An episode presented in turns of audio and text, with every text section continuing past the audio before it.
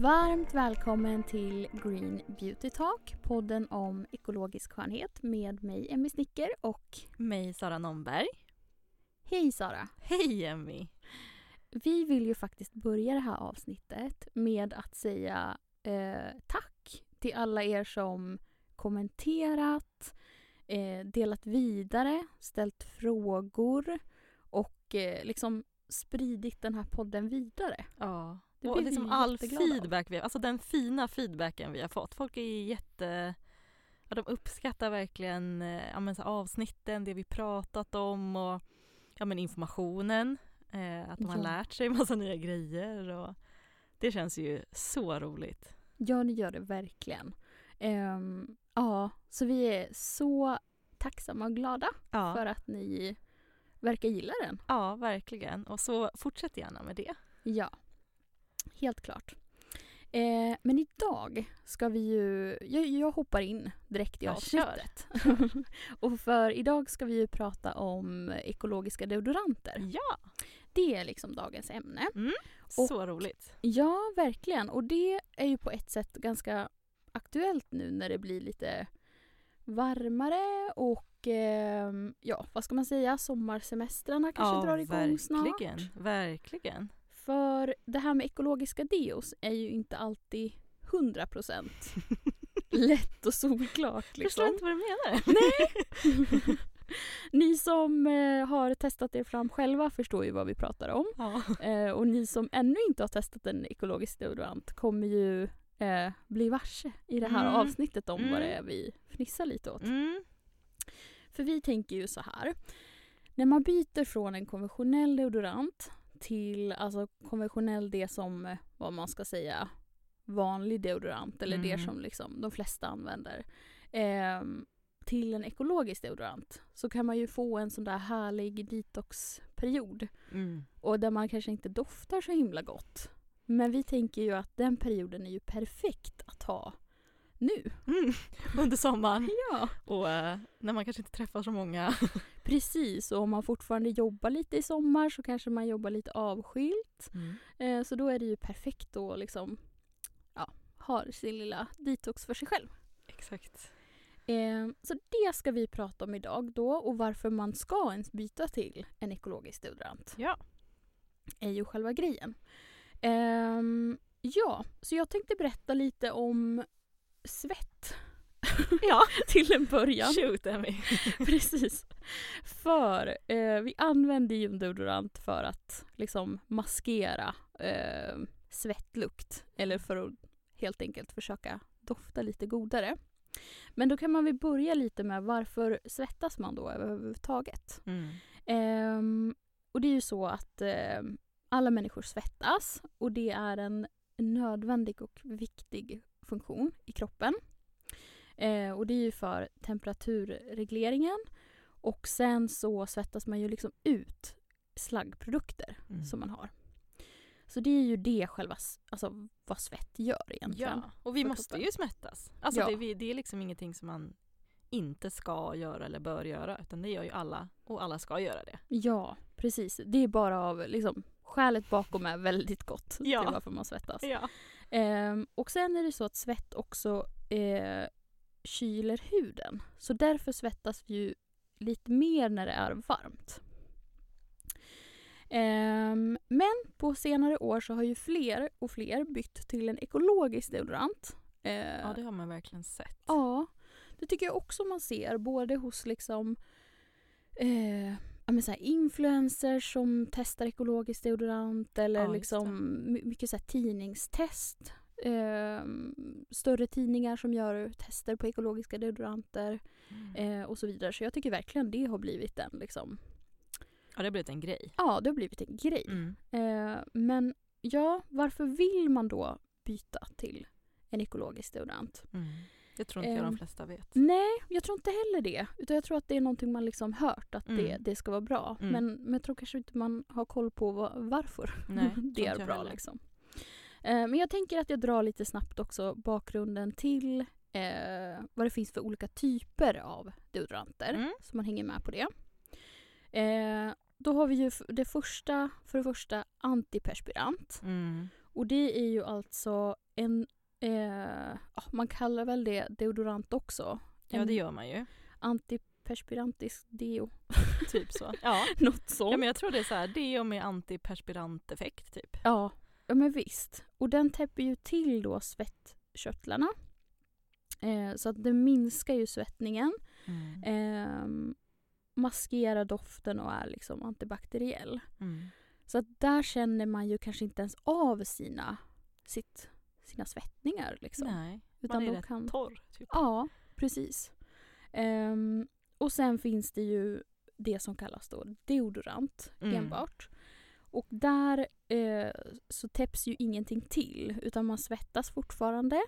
Eh, men däremot så hjälper liksom deodoranten till att skapa en antibakteriell miljö så att det inte blir Ja men så att man förhoppningsvis doftar lite godare. Ja, exakt. För det kan man ju kanske flika in där lite Mm. att det som doftar är ju liksom inte svetten i sig utan det är ju liksom när bakterierna börjar så att säga gro till sig som man har där, alltså på huden eh, i den här, här fuktiga miljön. Och då, Mm. vill liksom den, man, då vill man att den här deodoranten ska ha ämnen som gör att det blir lite mindre så här, ja man brukar säga så här, en ogynnsam miljö för bakterierna liksom. Att det inte ska bli lika göttigt. Ja, ja men visst. Precis.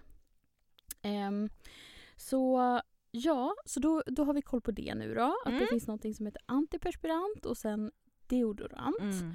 Men sen är det ju också en skillnad på ekologiska deodoranter och eh, konventionella deodoranter. Mm. Och som alltid är skillnaden ingredienser Ja. i första hand. Ehm, så de ekologiska varianterna på deodoranter ehm, finns det liksom inga antiperspiranter på. Nej. Gud, det här lät jättekrångligt. Men det jag menar är att om du väljer en ekologisk deo så kommer du fortfarande svettas. Så du Ja. kommer inte täppa till någonting i armhålan, så att säga. Ehm, och när det kommer till konventionella eller liksom vanliga deodoranter så hittar man ju en blandning. Där kan det vara liksom antiperspiranter och Mm. deodoranter. Så Mm. att det, ja, där får man kolla helt enkelt. Eh, men det är ju just om man ska grotta ner sig i det här med ingredienser Sara. Mm. Så jag vet att det är många som pratar om deodoranter och aluminium. Ja, Det är ju liksom något som många söker på också. Googla på. exakt. Och det är många som söker en aluminiumfri Ja, deodorant främst då. precis. Men kanske inte riktigt vet Nej, vad grejen är eller varför de ska ha en det. Men de har Precis. hört att eh, det är det man ska ha typ. ja. Kan inte du berätta lite mer om just liksom aluminium, eh, vad det egentligen är Mm. och vad det är i just liksom deodorantsammanhanget? Ja men absolut. Så att det som Emmy var inne på det här med antiperspiranter, att de täpper till. Det aktiva ämnet i antiperspiranter är just aluminiumklorhydrat eller aluminiumklorid. Och som ni hör så är det både aluminium, båda har aluminium i namnet Mm. så att båda de innehåller aluminium. Så att man kan säga att liksom, antiperspiranter innehåller aluminium då och som vi sa då att ekologiska innehåller inte eh, antiperspiranter, det vill säga inte aluminium. Så, då, så att alla liksom eh, ekologiska deodoranter är ju liksom aluminiumfria. Så. Och aluminium då, om man ska gå in på det och försöka förstå varför man tycker att det kanske är något man ska undvika, så behöver man då förstå lite mer om, om ämnet. Och aluminium är ju ett, ett grundämne och eh, de flesta grundämnena i sig eh, kan ju vara liksom dåliga i, i höga halter och vissa mer än andra. Och aluminium är väl ett sånt ämne som man säger är liksom giftigt i höga halter. Sen just aluminiumhalterna i deodoranter kanske inte är så höga så att de skulle bli giftigt för oss. Så att man kan inte liksom dra en parallell där riktigt. Nej, just det. Men det man ser i studier är att aluminium kan lagras i liksom små doser i kroppen. Man ser att det mesta kissas ut men att små mängder kan lagras. Och man har också sett i studier att det finns liksom en koppling mellan aluminium i deodoranter och bröstcancer. Så att man Mm. ser att det har liksom lagrats aluminium i bröstvävnaden i bröstcancerpatienter. Och man ser också att det har varit större mängd av aluminium som har lagrats i vävnaden som är nära liksom, armhålan där man applicerar deodoranter. Mm. Och där har man liksom dragit den här kopplingen. Sen vad den här kopplingen har för funktion, det vill säga för att vissa säger ju så här eh, man ska inte ha aluminium i, alltså man, ska, man ska ha aluminiumfria deodoranter för aluminium ger cancer, bröstcancer. Och den teorin är ju inte bekräftad. Nej just det, så man kan inte dra en Man kan 100% inte, nej man kan inte dra det, den liksom 100% så. Eh, men det, jag skulle säga så här, enligt mig själv så, så finns det anledning att vara misstänksam. Mm. Eh, så det finns liksom teorier, de teorierna har undersökts, eh, det är för få studier och de är för små för att man ska kunna dra slutsatser och därför säger man inte liksom att så här är det. Men misstanken finns. Och då får man ju välja själv då vad det är man ska tycka kring det. Mm. Eh, men jag som oftast eh, liksom förespråkar försiktighetsprincipen tycker att det finns skäl att undvika den. Mm. Så. Just det, att man ska tänka till lite extra kring Ja, liksom. Precis. Ja. ehm, men någonting man också pratar om, eh, tycker jag, är ju just alun. Mm. Eh, och liksom, är det detsamma som aluminium eller vad, vad, vad är alun för någonting? Ja, ja men precis. Mo- i, i, när man kommer in i den här så att säga, världen att man inte vill ha aluminium, Ja. då hamnar man oftast på alun då. Ehm, och börjar liksom fundera på, okej, men är det okej då? Eller, Mm. Och det säljs ju på hälsokost till exempel. Ehm, men det är ju inte liksom, deodoranter med aluminiumklorid. Ehm, så att det har ju ändå gjorts en skillnad där, om man säger i så här hälsovärlden då, eller vad man ska säga. Och ska man då titta på vad alun eller alun, nej jag vet egentligen inte hur man uttalar det Nej. jag ska vara helt ärlig. Jag sa alun nu Ja, men... ja, jag vet faktiskt inte heller själv. Men alun då är ju ett naturligt salt, mineralsalt. Och det innehåller aluminium. Så att man kan säga att alun innehåller också aluminium, precis som aluminiumklorid och aluminiumklorhydrat. Men alun kommer från en naturlig källa medan de andra är liksom syntetiskt framställda, Mm. så det är en skillnad. Men källan och ursprunget gör ju inte att någonting är ofarligt. Så att bara för att det är naturligt betyder ju inte att det inte kan påverka oss negativt. Ehm, men det är ju såklart en skillnad. Ehm, så det som är skillnaden är att alun, dess molekyler på aluminium är större. Ehm, så att själva alunmolekylen kan man säga, man, man får inte i sig lika mycket aluminium, säger man, som från de här lite mindre eh, aluminiumsalterna då. Och eh, vissa då tänker att det är mer okej. Eh, och andra väljer att inte använda alun heller då. Mm. Så att skillnaden är liksom storleken och vart den kommer ifrån. Så alun innehåller också aluminium. Eh, de är större i storleken så kanske lika mycket inte kommer in då men det kommer ändå in. Eh, men kanske inte lika mycket då. då. Ehm, och eh, då tycker en del att det är okej. Just det. Så man får helt enkelt typ göra lite egen research och se vad det är man själv, alltså vad man själv står i det. Om Ja, man vill använda precis. alun eller inte i det. Ja men precis och vissa tycker ju att alun, alun finns ju i sådana saltkristaller, Mm, det ska vi säga. Det, just det. Mm. Ehm, och det kanske är så att man, går, man byter från Nu ska jag bara eh, clarify här. Ja. Saltkristaller, då menar vi alltså deodoranter som ser ut som... Ja, precis. jag tror vi måste säga så att folk 100 vet vad vi Bra menar. där Emmy. Eh, men li- lite som en deodorant gjord i typ bergskristall kristall ser det ut som. Ja, de är väldigt kan fina. Liksom, ja, verkligen. De blöter man ju lite och sen drar på under armhålan. Just det.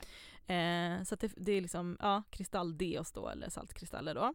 Eh, så där finns ju alun och det är en hel del som tycker att de funkar väldigt bra och då kanske de tänker att så här, ja men nu har jag i alla fall inte aluminiumklorhydrat eller aluminiumklorid men jag har det här och det tycker jag funkar väldigt bra för mig.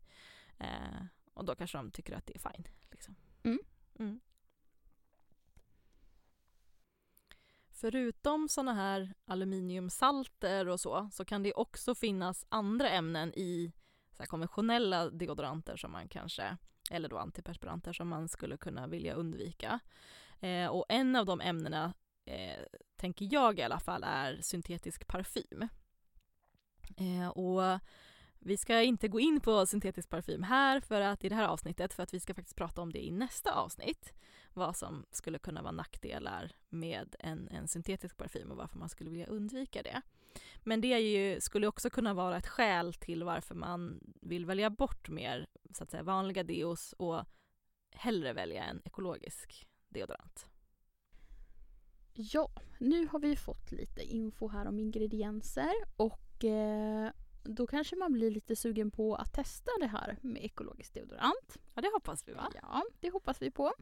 Eh, men när, precis som vi nämnde i början där, så när man byter till en ekologisk naturlig deodorant så kan man ju då få en liten sån här uh, detoxperiod. Ja. Eh, där liksom för ni kan ju tänka er själva om ni har använt antiperspirant eller något annat och liksom täppt era svettkörtlar i armhålorna i ganska många år till och med kan det vara Mm, ibland. Absolut. Eh, och sen slutar ni med det och svetten får liksom bara löpa fritt.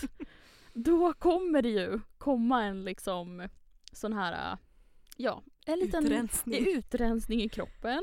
Eh, och, och till kroppens stora glädje kan man väl ändå säga. Ja, det Eh, tycker jag. Så att den får liksom rensas ordentligt. Eh, men då kommer också det här eh, lite extra svettiga Doft. perioden. Ja, precis. Men det vi skulle vilja säga är ju också att, att det här är helt naturligt. Ja. Eh, när man byter till en ekologisk naturlig variant Mm.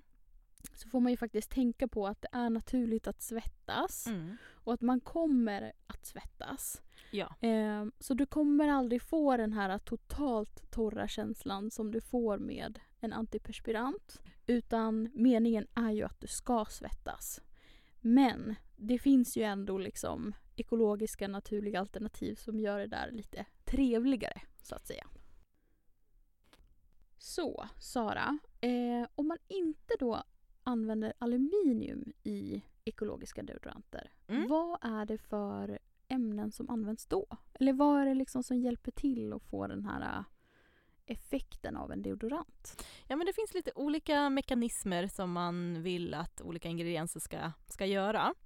Eh, men det handlar eh, absolut främst om att liksom justera pH. För det, det jag sa då där lite i början var ju att det som gör att vi liksom luktar, det som gör att svetten luktar är ju liksom bakteriernas fel.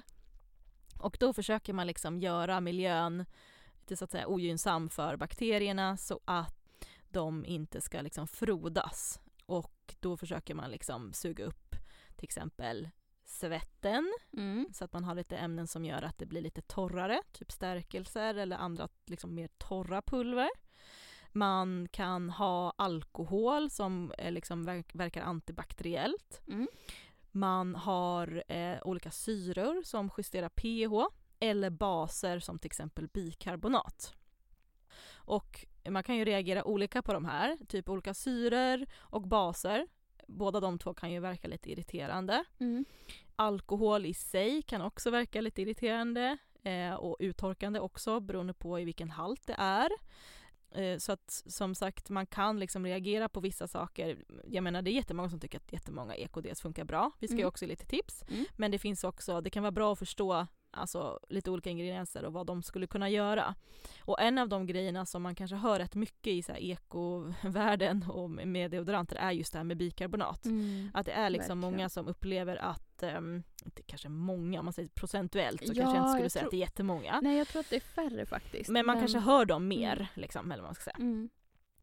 Och det är ju för att det är liksom en stark bas. Mm. Det kan ju även vara typ aluminiumkloridrat som vi pratade om innan. Det har ju Mm. också ett rätt, eh, det har ett lågt pH så det kan man också bli irriterad av. Och där känner jag igen mig för att jag är just känslig mot bikarbonat. Ja, precis. Så jag känner igen mig i det. Men jag tänker att det kanske kan också bero på mängden i Ja. en produkt. Ja, jättemycket. Ja. Alltså det beror jättemycket på det. Ehm, och vissa deodoranter har ju mycket, om man tänker en eller så här, krämdeo då som det är de som brukar ha, eller stickdeo kan det också vara, Ja. som har bikarbonat i. De, ehm, där kan man ju ha olika mycket och vissa har rätt mycket. Och då blir man oftast mer känslig, mer irriterad och andra har lite mindre och då kanske vissa tycker till och med att det funkar. Mm. Fast det inte brukar funka. Helt klart. Jo men det har jag testat. Mm. Men det, det jag skulle säga är så här, jag skulle ändå tipsa om att för bikarbonat är ju en väldigt effektiv liksom, ingrediens Ja. i en deodorant. Det är ändå. verkligen det som gör att det funkar. säga. Ja, och är det så att man tål det då tycker Mm. jag att man ska kolla efter ett sånt alternativ. Om man Mm. inte vet så börja med en deo med bikarbonat då. då. Håller helt med. Ehm, och sen skulle man då inte tåla det Mm. då finns det ju faktiskt bikarbonatfria alternativ. Mm. Även fast de inte är så många. Just det. Eh, men de brukar oftast heta någonting med så här sensitiv eller känslig. Eh, behöver dock inte betyda att de är fria från bikarbonat. Så att det bästa är ju alltid att kolla inki, liksom ingredienslistan. All, I alla fall som typ alltid. Mm. Om man vill vara helt säker på att det inte finns bikarbonat i. Och jag tänker ju att eh, man bara vill veta så här, jaha, men tipsa om en deo som kommer funka för mig då. Ja. Men tyvärr då, då, I hate to break the news, men det här är ju Ja. då superindividuellt med vilken deo som funkar. ja. Eh, och det finns ju så mycket olika saker som påverkar. Mm. Till exempel om man har mens, eh, hormoner i kroppen, stark mat, klimat, träning. Vilka kläder man har. Typ. Ja, kläder. Eh, utveckla lite med just... Eh, Kläder. Ja, Ja, nej, ja, men just alltså vissa kläder är ju såna här typ som är lite plastiga akry, ak, akryl, alltså så här polyester. polyester heter Mm. det. Ja, eh, kläder och det är ju jättemycket kläder är ju idag inte naturmaterial. Eh, och de svettas man så mycket mer i för att de Ja. låter liksom inte huden andas och då blir huden mycket varmare och då svettas man mer. Ja. Så man kan verkligen välja med omsorg vad man har eh, på överkroppen för att svettas mindre. Ja, ja men gud ja, verkligen. Och typ jackor och ja. Ja, allt annat som man liksom har på sig. Mm.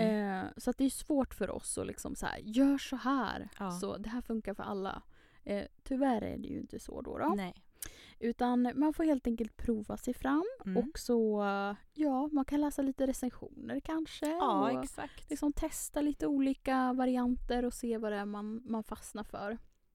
Jag kan ju säga liksom vad jag har sett generellt eh, som liksom tipsas eller pratas mycket om. Mm. Eh, och det är ju bland annat då eh, Carviard har en deodorant som heter Unisex. Mm. Den har jag sett lite här och där. Och sen har ju eh, Maria Åkerberg en sån här eh, kristallsalt-deo Mm. som man också liksom ser på många ställen. Eh, verkar vara många som gillar den. Och sen finns eh, True Organic of Sweden. De har en deo som heter Undercover Agent. Så kul namn. ja, verkligen. Fyndigt. De är jättefyndiga med sina namn. Ja, Alltid. Det är roligt Ja, faktiskt. alltid deras eh, produkt, eh, produktnamn har så Mm, mm. roliga namn. Liksom. Och sen eh, naturlig deo som gör så här krämbaserade deos i burkar. Mm. Liksom. Det är väl det generellt så, vad jag har sett. Mm. Eh, att folk alltså, verkar populära. Ja. Men som sagt, superindividuellt. Det som Mm. funkar för dig kanske inte funkar för mig och så vidare. Nej. Men jag vet ju Sara att du har jättemycket bra tips på det här med om man har en obalanserad armhåla. Ja. Alltså det vill säga en armhåla som stinker. Ja men precis. Och, eh, det här är också ett bra tips tycker jag så här i en övergångsperiod. Så att det jag tycker man ska tänka på är, är liksom att eh, när du har en obalanserad armhåla, en armhåla som, som luktar mycket, då behöver man liksom justera pH där och man kan göra det, alltså när du, när du duschar så justerar du pH. När du kanske lägger på en deodorant justerar du pH. Men man kan liksom göra saker innan deodoranten som gör att man kanske underlättar också för deodoranten. Det här kan också faktiskt vara ett tips om man reagerar på en deodorant, till exempel en deodorant med bikarbonat i Mm. som är rätt basisk, att man gör den här lite neutraliseringen mot det sura innan man sätter på den Mm. så att man kanske reagerar mindre. Det är ja. en del som tycker det funkar också. Ja. Så det här blir som ett lite där eh, generellt eh, hjälptips kan Ja. man säga. Eh, och då handlar det om att så här, först tänka på vad det är man tvättar armhålan med. För att inte rubba eh, bort den naturliga floran på huden. För ju mer du tvättar armhålan desto mer kommer du att lukta. Mm. Så det handlar också om att balansera sin egna hudflora eh, eller mikroflora på huden och då tycker jag att man ska använda en eh, beroende på hur mycket problem man har. Men jag har två alternativ där tycker jag. Antingen använder du en fast tvål som liksom löddrar, som är naturlig ekologisk, som är överfettad så att den ger tillbaka Mm. fett till huden. Eh, Inte så uttorkande exakt. Mm. inte så uttorkande och ehm, innehåller också glycerin som är återfuktande så att det är lite two in one där. Så det är liksom, och den känner man sig kanske man ska säga mest ren av för att Mm. den löddrar. Mm, just det. Så det är liksom ett tvätttips. Eh, och det här kan du ju använda olika mycket. Eh, vissa tycker att de tvättar armhålan då två gånger om dagen när det kanske är som värst, till exempel i en övergångsperiod. Mm, okej. Eller om man tycker att det är jätteilla i en övergångsperiod, kanske gå in och göra det på lunchen. Alltså Mm. så. Och det är inget fel med det, utan det är bara att liksom, du behöver rensa ut, liksom. gör det som känns bra för dig. Det är liksom ett tvätttips. Det andra tvättipset är att faktiskt inte tvätta med någonting som löddrar, utan tvätta med en olja istället. Mhm. Och då, ehm, Hur ja, funkar det då? ja, men och då tar man, man blöter som vanligt, tar en olja, gärna någon med, då med lite antibakteriella egenskaper. Jag tycker den cleansing oilen som vi har, cleansing oil tea tree är superbra för Mm. det. Men annars någon annan rengöring, bara olja så. Typ olivolja eller någonting. Mm. Häll i lite eterisk olja för lite um, antiseptisk effekt. Och så tvättar du, bara masserar in det liksom. Och sen tvättar bort det med en svamp. Mm. Och då kanske du okej. inte vill använda samma svamp som du använder i ansiktet. Vad som Nej, tips. nej. Så du har något annat i duschen. Ja. Eh, så det är liksom tvätttipsen. Så att eh, börja med att balansera din armhåla genom att börja tvätta den med mildare, eh, schysstare grejer. Om man Mm. säger. Just det. Sluta torka ut din armhåla. Typ. Ja. Mm. Eh, och sen steg två är att när du har kommit ut i duschen att eh, pH-neutralisera det, vill säga huden vill ju vara svagt sur. Mm. Och speciellt när man luktar så är det bra att Vad bli är extra svagt sur. sur om man ser på pH-skalan? Eh, alltså om man säger att neutralt är 7 Ja. eh, så kanske 5 eller 4,5, alltså Ja, någonstans okej. där. Eh, och då, ehm, till exempel, så brukar jag rekommendera en så här lite sur skölj. Eh, jag har nog pratat om det tidigare. Mm. Eh, Men vad, för de som inte vet vad surskölj är, Ja, surskölj är det för att du blandar i någonting surt. Jag tycker att äppelcidervinäger är ypperligt för det här. Eh, så man blandar i det i, ja, vad du vill egentligen. Antingen bara vatten, alltså äppelcidervinäger och vatten. Typ ja, men en tiondel äppelcidervinäger, resten vatten. Och ska äppelcidervinägern, nu råkar jag ju veta det här, men den ska ju vara ekologisk och ofiltrerad va? Ja, men jag tycker att den som jag Mm. brukar rekommendera folk som är Alltså folk är nöjda med Mm. är Kung Markattas ofiltrerade ekologiska. Ja, alltså den det. är, den är superbra, Ja. köp den! den finns överallt också. Liksom. Ja. Så efter rengöring alltså, efter en snäll re- rengöring, dutta på eller spraya på eller vad du nu gör med den här blandningen, badda på. Så att du surgör huden. Mm. Eh, och har du precis rakat dig så kanske det kommer svida lite granna för att det är en syra. Mm. Men det är liksom inget farligt, alltså så, alla klarar det här liksom. Mm. De flesta, alltså, jag hör inte att folk får typ utslag och så av det här. Nej. Skulle inte jag säga. Så liksom, och om det är så sänk mängden äppelcidervinäger i så fall. Men generellt sett funkar det bra. Mm. Och då har du liksom surgjort huden och preppat den. Och vissa är kanske nöjda här.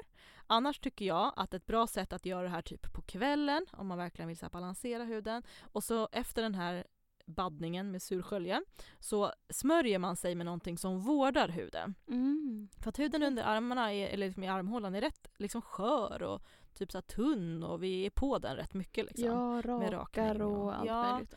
Ja. Om man nu Om gör man det. gör det. Ja. Liksom. Så jag tycker liksom att, att eh, vårda den huden och speciellt om den är sådär känslig. Eh, du har fått eksem kanske eller någonting. Mm. Då behöver den verkligen om, alltså den behöver kärlek liksom. Mm. Så smörj med typ någon salva, kanske en zinksalva som verkar så lugnande.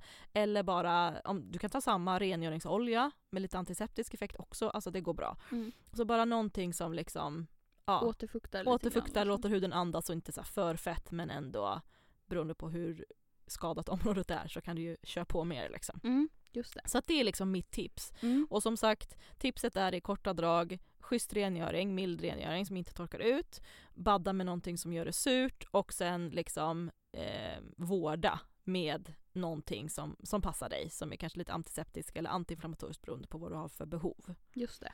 Och det här kan man alltså göra om man har dels fått typ eksem i armhålan. Ja, Man kan göra det om man känner att man luktar väldigt mycket. Alltså Exakt. så man tycker typ att ingenting funkar. ja, Då kan man använda det. ja, Och man kan använda det under typ sin detoxperiod. ja. Exakt. Ehm, Hur, hur lång tid tog det för dig att detoxa? Nu är det ganska många Åh, år sedan. shit, Men Verkligen. bara kul nu att veta är det många ungefär. år sedan. När gjorde jag det här? Det kanske var typ 2010. ja, Kanske. tio år sedan då. Tio år sedan. Oj, oj, oj. Ja. Jag tror att det tog typ tills jag var helt nöjd. Mm. Två månader kanske. Mm. Just det. Så det tog nog ett tag. Mm. Jag skulle nog säga att det var samma för mig. Typ två Mm. månader. Och det var lite, vad ska man säga, det var, jag testade väldigt många olika deos där också. Ja, så att det tog med. ett tag innan jag hittade rätt. Ja. Och sen kändes det liksom Ja. OK. Ja. Så. ja, jag testade aldrig någon sån här thaisten. Alltså jag har liksom aldrig testat det. Nej. Eh, utan jag gick från liksom helt vanliga till någon, några såna här roll-on ekologiska liksom. Mm. Från lite olika märken. Kommer inte ihåg vad jag tog riktigt. Lavera kanske. Mm. Ja, Veleda hade någon. Rosense- ja, i Rosenserien testade jag i Mm. början. Eh, var jag nog rätt nöjd med tror jag. Och så sen efter det började jag göra min egen. Och jag har ju typ labbat med min egen sen dess. Sen Mm. tills kanske typ två, tre år tillbaka som jag bara, nu är jag skitnöjd med mitt recept liksom. Mm. Och för er som inte vet så har ju Sara alltså ett eget hudvårdsmärke. Organics Ja. Sara. Där hon pratar om dels rengöringen sen tidigare med oljan och sen nu deon då. Exakt, exakt. Om man är nyfikna på dem. Ja, så finns exakt. de där. Emmy, vad tycker du kring liksom ekodeos? Vad använder du för någonting? Ja, eh, det här har ju varit lite olika. Eh, som vi pratade om så i början så tror jag jag testade mycket så här roll-on-deos. Eh, flytande deos typ. För Mm. att eh, jag försökte liksom hitta ett alternativ som var så nära det konventionella som jag hade använt tidigare. Det. Eh, så det var ju liksom min, min första eh, grej som jag testade. Mm. Men jag måste ju faktiskt slå ett slag för eh, liksom stick eller krämdeos. Mm.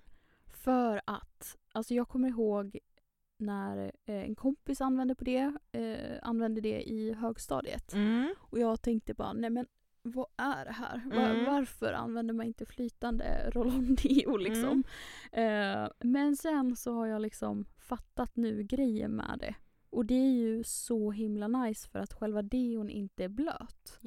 Så att jag har ju verkligen fastnat för det här med krämdeos. Så det tycker jag man kan, om man inte, om man inte känner att man hittat något som funkar och man vill eh, nyfiken på det så testa säger jag bara. Mm. Just nu är en favorit eh, Schmitz. Eh, de har liksom en, en krämdeo i stick eh, som heter Sensitive. Det Mm. finns lite olika dofter. Mm. Så den tycker jag har funkat, ja, men funkat ganska bra ändå. Ja. Och den är utan bikarbonat som Just jag är det. lite känslig för. Men jag ska testa ditt tips med armhåle. ja, men gör det Emmy. Ja, för då kan, det kanske kan vara något sånt med liksom pH som gör att jag inte riktigt... Ja, men det är det för en hel del i alla fall. Så testa det. Eh, men annars brukar jag ju också... För att jag tycker att när man använder en ekologisk deodorant så kan det liksom bli lite så här build-up. Eller vad man ska säga Ja, i armhålan. Alltså att det liksom... Läggs på, läggs på, läggs på. Ja. Inte tvättas av riktigt. Ja men precis, man får tvätta väldigt liksom noggrant. Mm. Så ibland, inte ofta, men lite då och då så kan jag ta lite kroppsskrubb och bara Mm. så här försiktigt skrubba armhålan bara för att det ska bli liksom få bort det där gamla deot som sitter kvar. Just det. Men det är kanske att jag övertvättar min armhåla då, jag vet inte. Med tanke på ditt tidigare tips. Ja, ja men kanske. Eller jag tror så här, en build-up tror jag inte att du har en- är inte bra för dig. Eller så här, det gynnar dig inte. Så det tror jag absolut du ska få bort. Men Mm. då tänker jag absolut att när du gör den skrubben att du lätt skulle kunna göra det andra, mina tips efter. Ja, så tror jag att det- din armhåla kommer bli jätteglad. Ja, ja men precis. Då får jag göra någon sån där liten detoxprocess där. Exakt. Men så har jag ju också eh, hyperhidros som alltså är alltså att man svettas extra mycket jämfört med en normal person. Ja, Eh, och eh, på sommarmånaderna för min del så blir det ju katastrof. Alltså Ja. då svettas jag otroligt mycket. Ja. Så då tyvärr så slutar ekodeos att funka för mig typ juni till augusti. Ja. Så då använder jag faktiskt en antiperspirant. ja. För att det, jag svettas så mycket att jag, om jag skulle använda en ekologisk deodorant så behöver jag liksom tvätta mina kläder så Alltså bara använda dem en dag, tvätta, använda. Alltså Mm. det är liksom, jag är, blir så svettig. Mm. Nej men jag förstår det. Alltså, det är ju skitjobbigt för dig liksom. Ja, men som sagt, jag ska testa ditt tips där. Och är det någon där ute som vet en så superbra ekologisk deodorant som jag borde testa så hör av er. Så Exakt. gör jag ju det mer än gärna. Ja. Ja men för jag tror också det som blir lite extra svårt för din armhåla om man säger är den kombon. Liksom. Att du svettas väldigt mycket och behöver då så extra aktiva ingredienser men Mm. de väldigt aktiva ingredienser, eller de extra aktiva som finns i EKDOS, de klarar du inte av. Exakt, Oftast. exakt. Precis. Alltså för att det blir också den här dosfrågan. Alltså Ja. ju mer bikarbonat till exempel, desto mer aktiv deo.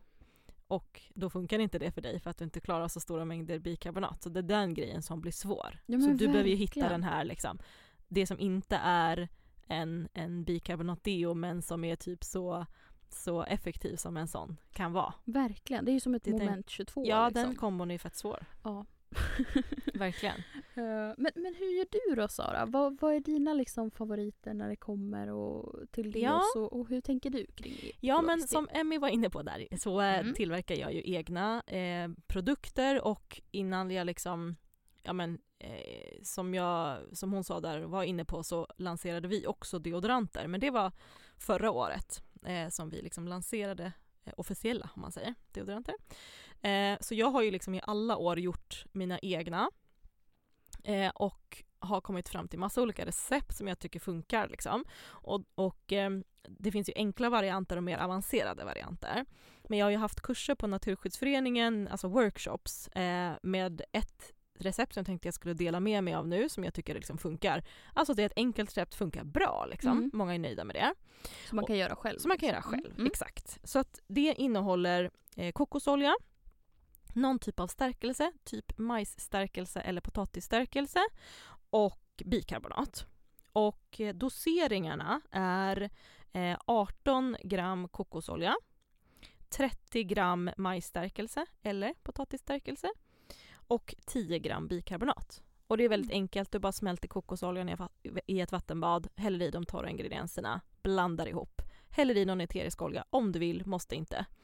Eh, och sen låter den stelna ett dygn typ innan du använder den. Och du häller upp den i en burk då såklart, Mm. när du blandat det.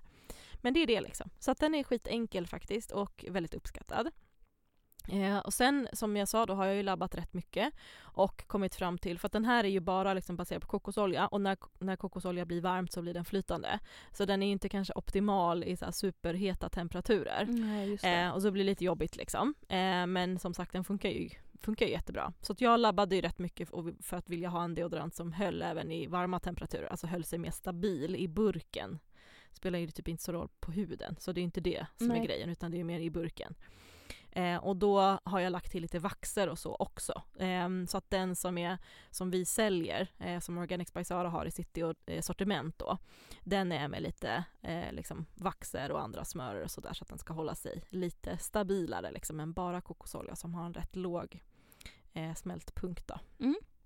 Eh, men eh, liksom idag så, så använder jag ju bara den som jag själv har liksom labbat fram i så här tio års tid typ och Ja. är så supernöjd med. Shit, ja. Så den, eh, och den lanserade vi förra året och vi har lanserat två stycken varianter kan man säga av den.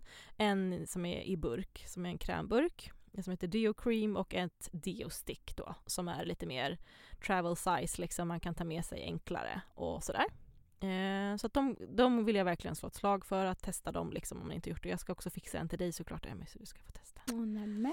Ja, Ja, men de är väldigt omtyckta så de kan jag varmt rekommendera. Eh, men Mm. annars som sagt så kan man ju verkligen göra, jag tycker att det är kul när man kan ha så här, bara rena råvaror, man vet exakt vad som finns i, Mm. man behöver inte så här, du vet, klarar jag det här, klarar jag inte, utan det är så här, tre ingredienser typ, och, ja men du vet så här, det är rätt nice tycker Mm. jag. Ja men verkligen. Och eh, ja, lite eteriska oljor som gör lite mer antibakteriell effekt tycker jag är trevligt. Ja men härligt. Då har ju vi kommit fram till slutet här. Ja. Eh, tusen tack för att ni lyssnat igen. Och eh, sen får ni gärna gå in på vår Instagram, at Green Beauty Talk, där ni kan eh, ja, ställa frågor, diskutera vidare. Ja, gilla våra bilder. Eller hur? Bara gilla oss och Ja. sprid lite kärlek. Det blir så glada för det. Precis. Och eh, vill ni följa mig så följer ni mig på eh, att Snicker. Och var hittar man dig Sara? Jo, mig kan man följa på Sara Nomberg i ett ord och Organics by Sara i ett ord också. Eh, och finns ju både på Instagram och, och sådär. Jag har även en blogg på bysara.se där jag har några olika, i alla fall minst två deo-inlägg om man vill grotta ner sig lite mer i deodoranter. Och sen kan vi också säga att om ni vill, om ni har några frågor kring det här så kan ni ju kommentera det på vår deo-post på Instagram. Ja, absolut. Och sen vill vi säga ett stort tack till poddrummet och Black Pixel för att vi får låna deras fina poddstudio. Hej då! Hej då!